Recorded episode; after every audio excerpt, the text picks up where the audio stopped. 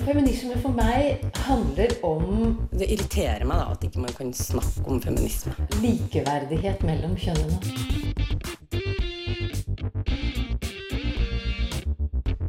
Det blikket på kvinnen på film. handlet det om å bli tatt på alvor som jente. Du hører på Et eget rom på Radio Nova. Det norske klesforbruket øker og øker, men hvordan har menneskene som produserer disse klærne det? Frida Ottesen, som har med webserien Sweatshop, og Karin Lefler fra Fremtiden i våre hender hjelper oss med å finne svaret. Og vi har også besøkt en etisk motebutikk på Sagene for å høre mer om hvilke alternativer som finnes.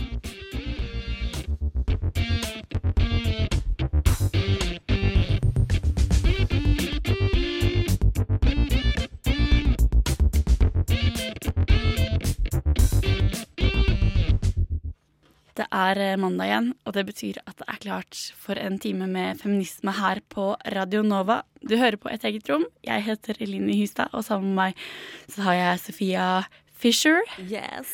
Bra uttalelse. Og tekniker Henrik Slåen. Vi skal snakke om tekstilindustrien i dag. Sofia. Det skal vi. Og det er jo ikke sånn åpenbart veldig feministisk tema, men på en måte veldig åpenbart også. Fordi at hvis feminisme handler om likestilling, så handler jo det her absolutt om likestilling. Og dette, ja, virkelig. Dette er likestilling på høy nivå, det her, Ja. altså.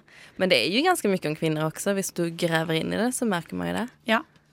Det blir veldig spennende. Jeg tror det her er et ganske viktig tema også. virkelig. Det, jeg hørte det var hun Lisa oss, hun eh, kommenterte på at kanskje det er litt sånn myte at eh, etiske klær ser veldig frikere ut. At da har man liksom batikk og grove materialer med en gang. Det kan jo hende det er noe i det. At folk ikke har skjønt at du kan kjøpe ordentlig gode etiske klær. Absolutt, absolutt. Man kan kjøpe fine klær som er etnisk eh, riktige. Ja, man kan det. Ja. Um, vi skal som sagt ganske snart få besøk av eh, Frida Ottesen, som du kanskje kjenner fra Aftenposten webserie Sweatshop. Som skal snakke om uh, forhåndserfaringene sine fra tekstilindustrien i Kambodsja. Før det litt Oslo-disko med diskobeiste, og låta heter 'Blåser kaldt'.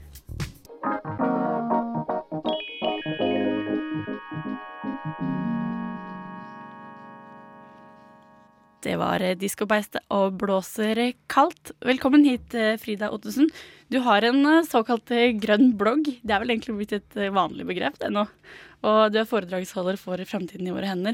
Og mange av oss kjenner deg fra du har med den webserien Sweatshop, dødsspill i mote, der du reiste til Kambodsja og besøkte tekstilfabrikkarbeidere, blant annet. Eh, Det er jo, jeg vet ikke, jeg tenker at det er ganske, det er ikke noe hemmelighet at tekstil, eh, tekstilbransjen er ganske skitten, men allikevel så husker jeg at når jeg så den her første sesongen av Sweatshop, så ble jeg veldig overraska. Man blir veldig sånn engasjert også. Man har veldig lyst til å forandre ting. Men som eh, når du ble med i utgangspunktet, hvordan eh, skjedde det her? Hvordan kom du med? På den tida så var jeg vel 17 år og gikk på videregående. Og på den tida så er man jo ganske mye opptatt av å passe inn i samfunnet og være, bli akseptert av venner og sånt. Men eh, jeg husker jeg ble så inspirert av skolen min, for de hadde sånn solidaritetsprosjekt der de reiste til Midtøsten. Så jeg søkte om å være med, og jeg dro på reise da til Palestina og Israel. Og det var helt nytt for meg å se en annen virkelighet. eh, Se fattigdom, se folk som lever urettferdighet. Og det var noe jeg som eh, norsk statsborger og ung jente på 17 aldri hadde sett før. Og jeg ville lære mer om verden. Hva, hvordan er egentlig livet utenfor Norges grenser? Og, så da fant jeg rett og slett eh, Fremtiden våre hender, som hadde lagt ut en sånn de søkte etter tre ungdommer til Sweatshop. Så leverte jeg inn en video om meg sjøl der jeg forklarte hvorfor jeg ville være med. Og så var det intervju, og så kom jeg med da, som deltaker. Men hva, hva opplevde du? Hva gjorde mest inntrykk på deg der nede?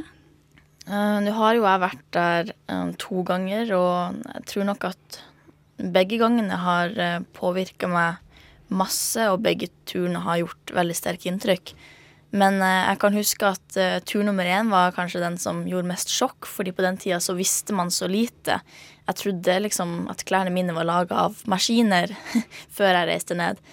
Eh, så når jeg kom ned der og ser fattigdom, men på en måte ikke bare ser det, men at du innser at folk lever sånn, og at de lever i urettferdighet, det var utrolig tungt. eh, og man begynner å sammenligne livet sitt med deres liv. og Arbeidsforholdene deres er elendige, og lønningene er elendige. De har òg drømmer om å bli sant, leger og dansere og skuespillere og alt mulig. Men det forblir bare drømmer, og de kan ikke spare penger. Så de bare lever alltid i fattigdom. Fordi det er faktisk sånn at de syr liksom hver minste detalj som vi har på oss, ikke sant? For hånd. Ja, og det gjør jo også noe med det når du da blir satt til å sy. Fordi det gjorde vi jo den ene dagen, da. Eh, Da satt vi og sydde i åtte timer. Og jeg trodde jeg skulle få sy et helt plagg. Men så innser jeg at min eneste oppgave er å sy den ene sømmeren som man har oppe på skulderen. Og det var kun det jeg gjorde i åtte timer. Så alle sømmer på plaggene våre er sydd med menneskehender, og ikke bare ett menneske, men veldig mange. Og da begynner man å få ganske mye respekt for klærne. Eh, I hvert fall for min del i ettertid, da. Det er i en sånn gjengs eh, tekstilfabrikk i Kambodsja at det er sånn. Det er ikke bare de verste tilfellene dere har besøkt da. Nei. Men det som også er gjennomgående i, eh, i den Sweatshop-serien, som, man, som man nesten blir litt sånn irritert over etter hvert, er jo hvordan, hvor vanskelig det er for dere å få innsyn i fabrikkene, og også responsen fra de store kleskjedene. Mm. Hvordan opplevde dere det? Ja, veldig frustrerende. Um, I sesong to så kan man jo se at vi prøver å komme oss inn på fabrikker. Vi tenkte liksom Gud, hvor lett det er å egentlig bare gå i en butikk og se på alle klærne som henger der. Men hvor er de laga hen? Og er det mulig for meg å se hvor de er produsert hen? Så vi gikk faktisk bare fysisk opp til fabrikkene og banka på og ville komme inn og se. Og det er jo mange som kanskje tenker at det er litt naivt, men det er egentlig bare for å vise hvor ufattelig vanskelig det er.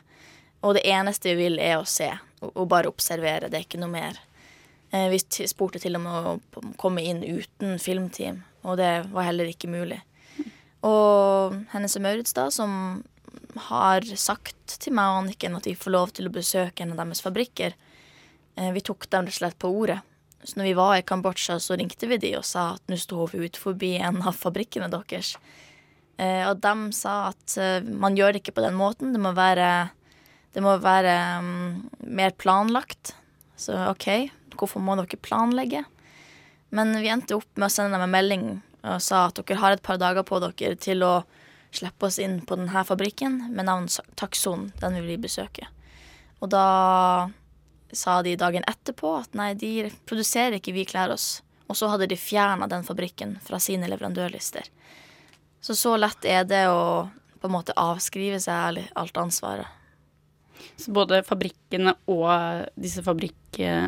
De som kjøper fra fabrikken, opplevde dere som en trussel, da? Ja, man kan si det. Vi har sendt mail til over 350 fabrikker om å få komme inn, og ikke fått svar fra noen. Og vi la merke til at eh, det gikk rykter om at vi var ute og banka på fabrikkdører, da. Så vi var en trussel, ja. Det er jo helt sykt. Mm. Herregud, at man Da blir man litt sånn Hva er det som skjer der inne egentlig? Ja, det er det jeg tenker. Om ingen får se liksom, så da har man mye lyst til å bare gå inn og bare herregud. Ja, hva har dere å skjule, egentlig? ja, virkelig, for det er jo noen ting å skjule da. Ja, Eller? det vil du hvert fall jeg tenke. Ja. Vi skal fortsette å ha med deg, Frida, og så skal vi snart få Karin Lefler fra Framtiden i våre hender også, og snakke litt mer om eh, hvordan det er på de tekstilfabrikkene her. Og i mellomtida så skal du få høre låta 'Skip Tracing'.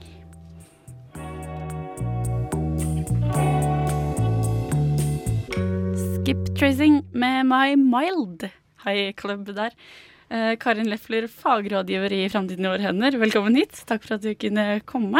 Takk. Nå har vi hørt en del fra Frida om hennes erfaringer fra Kambodsja. Og du også har jo erfaringer derfra, fikk jeg vite nå. Jeg skal se, nå Dere i Framtiden i hender kom med en rapport i 2015 som heter 'Dårlig råd med nål og tråd'. Og her er jo liksom, den er veldig sånn konkretisert på disse tekstilarbeiderne og hva de tjener. Eh, Sammenligna med mat, rett og slett. Eh, som gjør den veldig enkel å forholde seg til, syns jeg. Kan ikke du fortelle litt om uh, hovedfunnene i denne rapporten? Mm, først skal jeg fortelle litt om bakgrunnen. Eh, hvorfor vi, vi, ville se på kjøpekraften til tekstilarbeidere. For når vi begynte å snakke om eh, levelønn for tekstilarbeidere, så var det en del stemmer som plutselig begynte å høre rundt omkring at ja, men riktignok får jo tekstilarbeideren ikke så innmari høy lønn, men det er jo veldig billig å bo og leve i disse landene. Billig mat og billig å ta transport og alt mulig. Og når vi samtidig da visste at tekstilarbeidere, mange jobber kanskje opptil 15 timer per døgn, da var det noe som skurra. Vi lurte på hvorfor jobber folk så mye, hvis det er så billig å bo der og billig å kjøpe mat osv. Og da gikk vi til partnere i seks land. Eh, Indonesia, Kambodsja, Tyrkia, India, Bangladesh og Kina. Og så spurte vi dem kan dere spørre tekstilarbeidere hvor mye de tjener hvor eh, mange timer de må jobbe per dag for å tjene inn lønna. Eh, hvor mye koster det for dem å gå på et marked og kjøpe løk og, og, frukt og grønnsaker og helt sånne basics ting for å kunne overleve? Hvor mye koster det å ta en buss, og hvor mye koster det å gå til legen? Rett og slett disse tingene som vi trenger hver dag for å overleve. Eh, og så fikk vi inn disse tallene etter hvert, og så begynte vi å se på ok, for en dagslønn, hvor mye kan de kjøpe da av, eh, av eh, løk f.eks., eller poteter eller ris. Helt, helt basisvarer. Og da kom vi fram til, eh, som vi også gjorde en, en lignende undersøkelse noen år tidligere, at kjøpekraften er utrolig lav. Altså Jeg kan ta et eksempel. I fire av de seks landene som vi undersøkte, der er ikke en timelønn engang nok til å kjøpe ett kilo løk. Og så sammenligner vi med de få norske tekstilarbeidere som finnes i Norge i dag. Eh, og så så vi hvor mye de kan kjøpe av løk for én eh, timelønn, og det er ti kilo løk. Så vi ser da at kjøpekraften er kjempelav i tekstil, eh, tekstillene mens i Norge er den da vesentlig høyere. Og det vi også må huske på i en sånn sammenheng, det er at i, i eh, om vi snakker om Bangladesh eller Kina eller eh, Kambodsja, så har jo ikke de en, et sosialt sikkerhetsnett, sånn som vi har i Norge. Hvis vi blir syke, så får vi jo dekket eh, sykedager.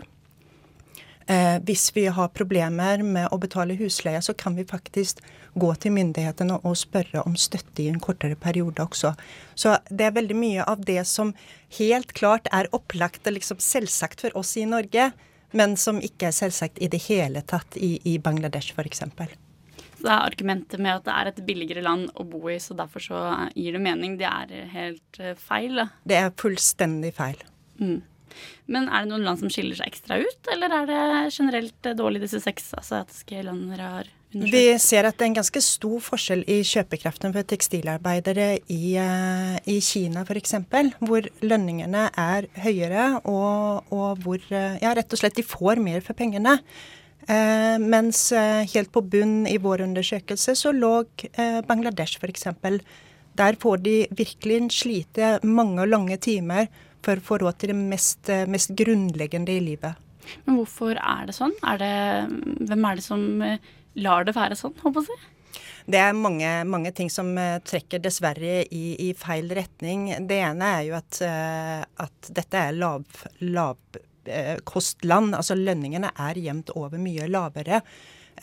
hvis vi ser på tekstilbransjen, så er det jo ofte veldig fattige kvinner som kommer fra landsbygda, eller som kommer fra naboland f.eks. Eh, kanskje de ikke kan lese og regne engang.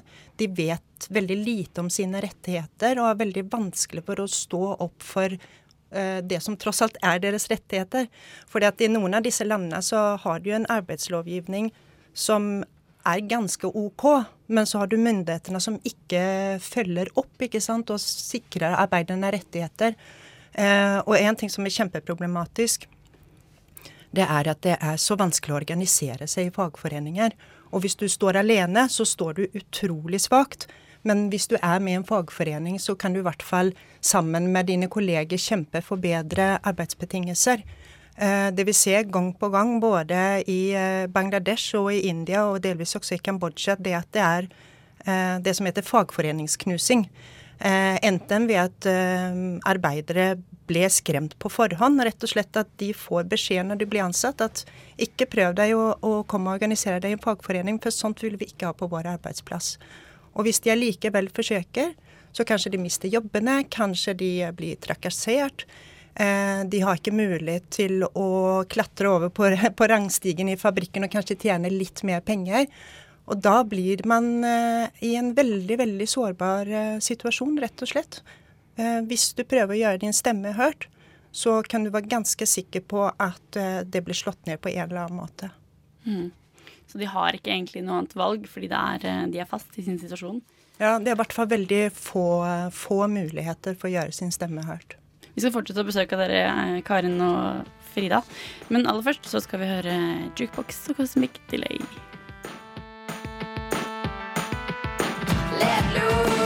Det var Jukebox og Cosmic Delay, og vi har fortsatt besøk her i et eget rom av Frida Ottesen og Karin Lefler og snakker litt om tekstilindustrien. Eh, jeg tenker at en ting som er veldig viktig, som vi må tenke på, er jo hvordan de som eh, faktisk gjør det her, hva de tenker om saken. Dere har jo snakka med mange av de som jobber på tekstilfabrikker.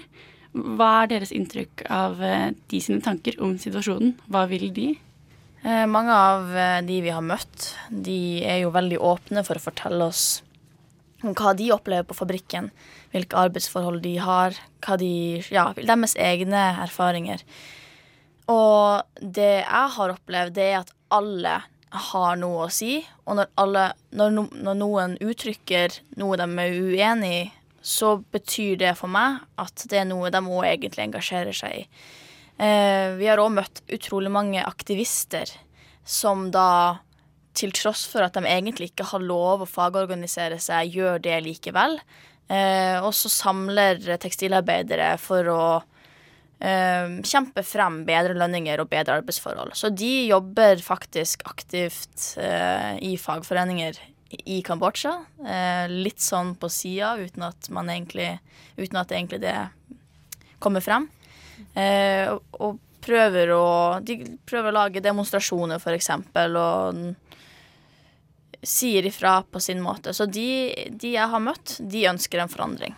Men er det sånn at de havner i problem fordi at de organiserer seg og sier ifra? Mm, ganske mange gjør det. At de blir med jobb og sånne ja. ting? Så de vi har med i Sweatshop, de, i hvert fall i sesong to, så viser vi jo ansiktene til mange av de aktivistene vi har snakka med. Og vi har spurt i ettertid òg hva tenker dere egentlig om at vi viser ansiktene deres.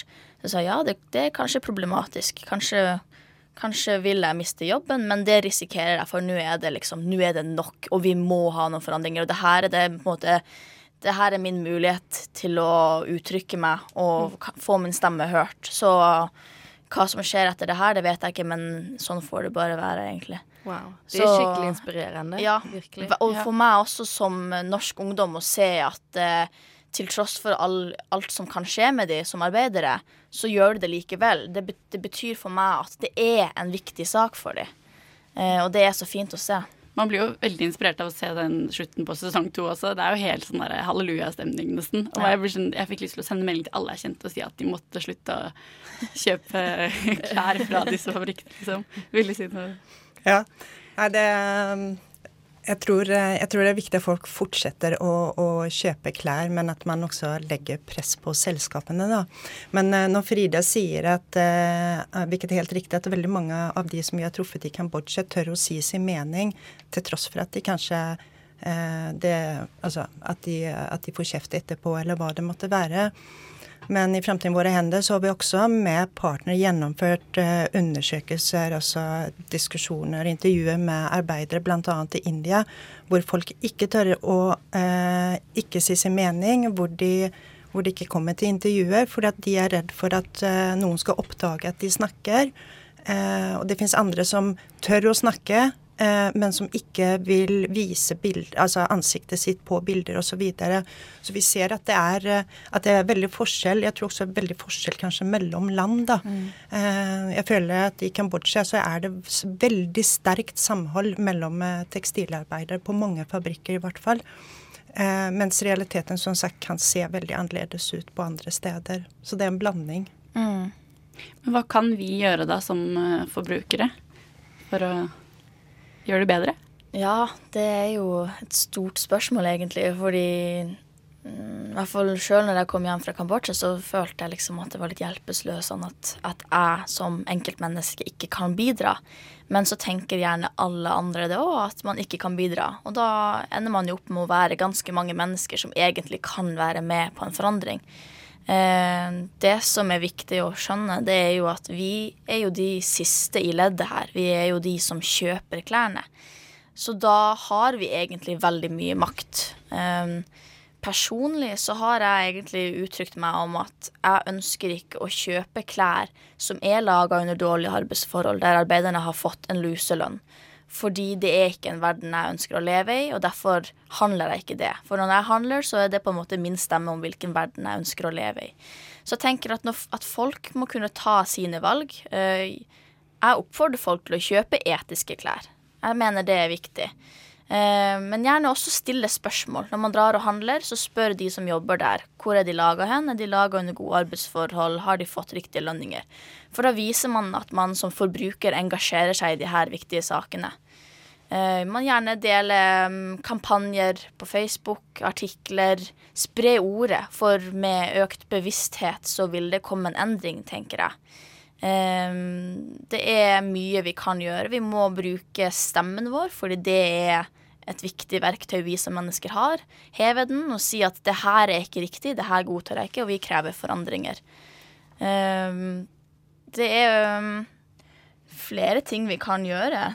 Ja, jeg tror det der med det som Frida nevner, det å, å spre bevissthet ja. på nettet eller sosiale medier er kjempeviktig. Og slik verden er skrudd sammen i dag, hvor, eh, hvor et ord løper eh, veldig, veldig fort gjennom å tvitre eller legge ut på Facebook Eh, hvis man leser rapporter f.eks. som enten avdekker dårlige arbeidsforhold, eller som kanskje heiser fram noen selskaper som er, jobber mer eh, med etikken enn andre, så spre det. Så vil plutselig mange av dine kolleger, venner og andre eh, bli klar over det som skjer. Nå er det veldig interessant, for vi har en eh, vi har eh, kommet med et forslag sammen med politikere om en eh, etikkinformasjonslov.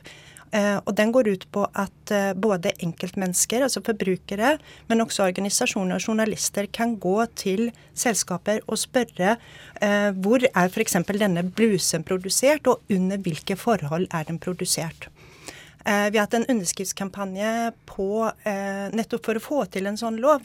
Og den er det 23 000 som er underskrevet. Og de underskriftene leverte vi over til Barne- og likestillingsdepartementet, hvor denne saken nå blir behandlet. Og det er klart at når så mange mennesker gir uttrykk for at det, dette er en god ting, eh, så vil jo det bli lagt merke til. Jeg har et annet veldig godt eksempel, og det var etter, eh, etter kollapsen av Rana Plaza, denne tekstilfabrikken i Bangladesh, hvor det døde mer enn 1000 mennesker. Eh, så ble det lagt et veldig press på selskapene for at de skulle skrive under en avtale om sikre, eh, sikre tekstilfabrikker i framtiden. De store selskapene strittet imot. Både Sara strittet imot, HM strittet imot. Eh, men bortimot jeg tror kanskje mer enn én million underskrifter var definitivt med på å bidra til at det da er eh, over 200 selskaper som har skrevet under denne avtalen. Og vi ser at ting blir tryggere og sikrere i Bangladesh på tekstilfabrikkene. Det er fortsatt en lang vei å gå, men den avtalen var helt historisk. Ja, og det å se Jeg må bare legge til, for det å se at en kampanje, og, og kampanjen er jo lagt frem pga. en signatur som hver enkelt av oss har skrevet under på. Så det tar ett minutt av livene til folk å skrive under på en kampanje, men så har den så stor betydning. Mm. Og det er noe vi som forbrukere kan gjøre, det er å skrive under på kampanjer. Og så hadde Fremtiden i våre hender en annen kampanje òg, der de så at Gina Tricot f.eks. hadde hemmeligholdte fabrikklister. Hva, igjen, hva har dere å skjule? Mm. Så hadde de et lite stunt eller en type kampanje på Facebook der de ba folk om å gå inn på Facebook-siden til Gina Tricot og skrive på veggen deres noe sånt som 'Når kan jeg forvente at dere opptrer ærlig?' eller noe i den duren. da. Så var det hundrevis av folk som gjorde det. Og så gikk det kanskje én uke, og da fikk vi svar om at Gina Tricot gir etter for forbrukerpress og er åpne om hvor klærne blir laga. Mm. Så det er noe veldig enkelt vi som enkeltmennesker og forbrukere kan gjøre. Bare egentlig si ifra. eh, Sosiale medier, skrive på kampanjer, dele. Ja. Det høres ut som at uh, mer gjennomsiktighet liksom er nøkkelen til suksess. Da. Vi får håpe det blir det. Det høres ut som det begynner å bli det også. Tusen takk for at dere kom, Frida Ottesen og Karin Løfler. Oh, yeah, my, my point. Feminism is not about being better than men. Et eget rom prøver å finne ut hvor mye feminisme egentlig kan være. Hver mandag på Radio Nova.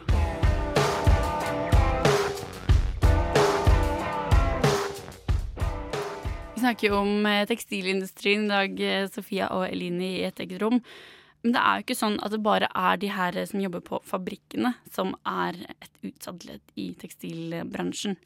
For hvis vi flytter blikket litt, så ser vi at det egentlig første leddet, som er bomullsbonden, da, kan man si, de er også veldig sårbare. Ja, de, eh, de er jo det. Fairtrade hadde jo eh, gjort, lagt en rapport om dette. Om eh, at det var høy risiko og brudd mot menneskelige rettigheter i bomullsbransjen. Og det var jo kanskje noe vi begge var litt sånn Hæ? Over? Det, det har jeg aldri hørt tales om, egentlig. Nei. Det snakkes veldig lite om Jeg trodde kanskje at økologisk bomullsplagg, sånn, for det har du jo egentlig en del av på HM i sånne basic Ja. plagg og sånn, trodde jeg kanskje var et litt sånn gimmick. Men det er jo faktisk kjempeviktig, fordi at det som Fairtrade sier, er at det er ekstremt mye sprøytemiddelbruk uten verneutstyr Mm. i bomullsbransjen. Faktisk så mye som 11% av alle sprøytemidler som brukes i hele verden, er, brukes på bomulls... eh, Det er jo helt galet, egentlig. Mm. Herregud. Og Det det, er jo sånn, ikke eh, bra, altså. Nei, for det, det, det de tenker er jo at dette skal ikke spises, så det er ikke så farlig. Og jeg skjønner logikken, men det får fatale konsekvenser, da. Ja, det er jo ikke de, bra for de som jobber med det. Altså, de, man blir jo syk av alle disse midler og sånt som er i, i det her. Ja, jeg så, eh, det, jeg så et veldig sånn konkret og fint eksempel fra, fra en mann så Gjennomsnittlig så lever menn i India omtrent 63 år. Men eh, en som hadde jobba på tekstil, eller på en bomullsplantasje hele livet sitt, ble omtrent 40 år. Det er jo Ja. veldig konkretisert, da. Hvor Virkelig. mye Det har veldig mye å si, det der, altså. Ja. Herregud. Og sen var det jo litt sånn også at kvinner og barn ikke fikk eh, Om det var fair trade, så får kvinner og barn ikke jobbe med bomullen. Eller når de ammer eller er gravide kvinner. For det at det var så sykt farlig for dem. Ja, og jeg syns også det er litt sånn ironisk fordi vi har en tendens her i Norge til å synes at bomull er så sykt de- deilig og reint og ikke sant? Ja, Det er sånn, og bomull på huden. Og så er det så mye sprøytemiddel i det, og så fælt på mange måter, da. Ja. Så det er også et veldig viktig, viktig ledd. Ja, det er ganske hemskt å tenke på, men det er veldig, veldig greit å, at, at det er noe vi snakker om nå, altså. For det hadde jeg aldri det om. Nei, vi skal fortsette å snakke litt mer om denne Fairtrade-merkinga, men uh, først så skal du få Nico and the Red Shoes, og et kanskje ganske passende låtnavn. Uh, Shame. Watch out where you walk, you've been matching on my toes, though I did not say. Shame, Nico and the Red Shoes. Passer bra, for vi snakker om, eh, vi snakker om Fairtrade-merking nå. Og når man ser på en måte de kravene, så skjønner man jo hvor viktig det er.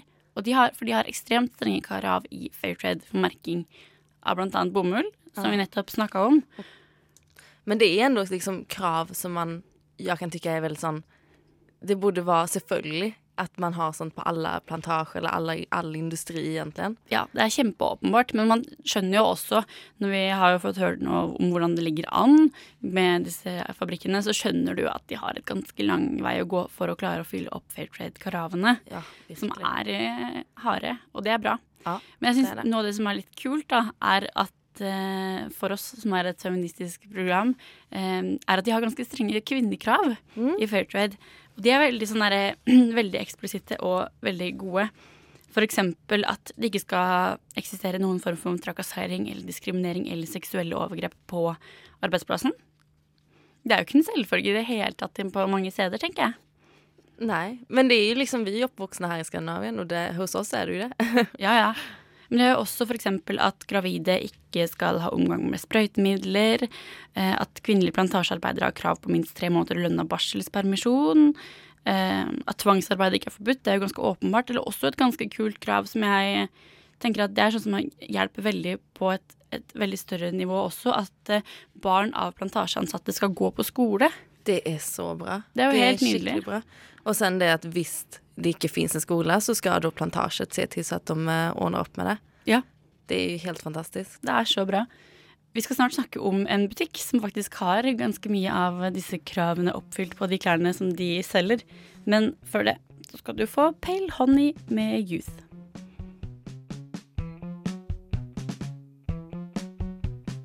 Jeg tenker at det er litt sånn burde-ting, det her med klær. At alle vet at man burde kjøpe etiske klær.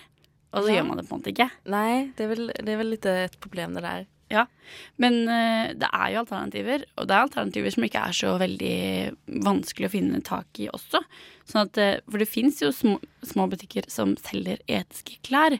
Og vi har jo snakka mye om alt det som er feil i dag, så kanskje det er fint å avslutte med noen som er litt sånn bra, eller litt sånn løsningsorientert. Ja. Eh, vår reporter Lisa Aasbø hun har tatt en prat med Liv Bente Steiro, som driver den etisk motebaserte butikken Libe her oppe på Sagen i Oslo.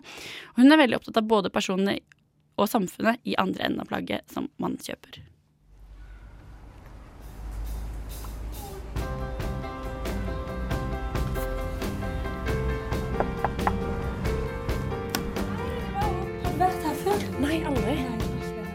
Ikke. Du kan jo egentlig bare begynne å fortelle litt om hvordan engasjementet ditt starta. Altså, Var det noe som bare plutselig skjedde? Ja. Eller har du alltid vært litt bevisst? Eh, nei, altså jeg har alltid vært opptatt av rettferdighet. Men så var jeg på eh, studietur til Kenya og Etiopia. Studerte tverrkulturell kommunikasjon.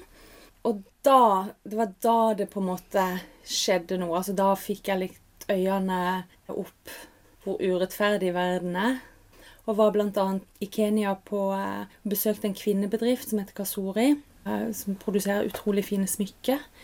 Som da ble starta for å hjelpe unge alenemødre i det området. Og så videre så eh, dro jeg til Senegal. Og ble med seinere og starta opp en liten butikk. Hvor vi da solgte kunst- og håndverksprodukter. Altså djembetrommer, batikklær og smykker og, eh, og sånn. Men hvor alt da var handla fra lokale håndverkere. Og da så jeg jo veldig tydelig hvor viktig den handelen var for de. Men det var nok der det starta, tanken om å drive en butikk hjemme. Og få de varene ut til, ut til flere. Men når du da fikk den ideen, hva, hva skjedde når du kom tilbake til Norge? I begynnelsen så hadde sant, hadde jeg med meg varer hjem fra reisene som jeg liksom solgte litt til venner og kjente. Og, eh, og så da i løpet av tre år, fire år etterpå, så åpna jeg butikken Libe. Da hadde jeg brukt tida på en måte til å finne produsenter som, som lagde eh, ting som kunne passe til det norske markedet. For selvfølgelig, altså djembetromme og eh, batikklær eh, Det går jo ikke her hjemme. Starta opp da i 2007 med interiørsmykke. Blant annet de smykkene som jeg da hadde blitt kjent med denne kvinnegruppa i Kenya. De sto jo helt øverst på lista. Og kaffe og te, sjokolade. Og litt klær. Jeg jobber kun da med klesmerker som har en veldig tydelig etisk profil. Og det er hovedsakelig engelske merker. Eh, Og så jobber jo de da direkte med eh, disse produsentgruppene, som da produserer etter fair trade-prinsippene. eh, Og hovedsakelig økologiske materialer. Altså meg som, som forbruker har jo nå blitt veldig Er jo veldig bevisst på, på det at alle både klær, eh, ting og tang vi kjøper, eh, så er det en annen person i den andre enden som har produsert dette her. Og da vil jeg ikke være med å støtte opp om det som er dårlig. Så der er jeg veldig nå at jeg Altså hvis jeg kjøper noe nytt, så, så, skal, så vil jeg på en måte vite historien bak, og at den er god. Og så tenker jeg jo at altså, vi, meg som butikkeier har jo i hvert fall et ansvar da, på hva jeg på en måte kjøper inn, og hva jeg videreformidler. Og det skulle jeg ønske at flere butikkeiere òg litt til seg. Altså, folk ønsker å være mer eh, miljøvennlige, de handler økologisk mat, økologiske hudpleieprodukter, og nå kommer det med at man ønsker økologiske klær. Og så ser jeg at det begynner å gå litt fra det å tenke at ja, men økologisk mat, økologiske klær, det er godt for meg. Det er godt for min kropp. Til å tenke at eh, det er godt for jorda vår. Og òg å tenke videre at eh, det er bra for de som faktisk produserer det.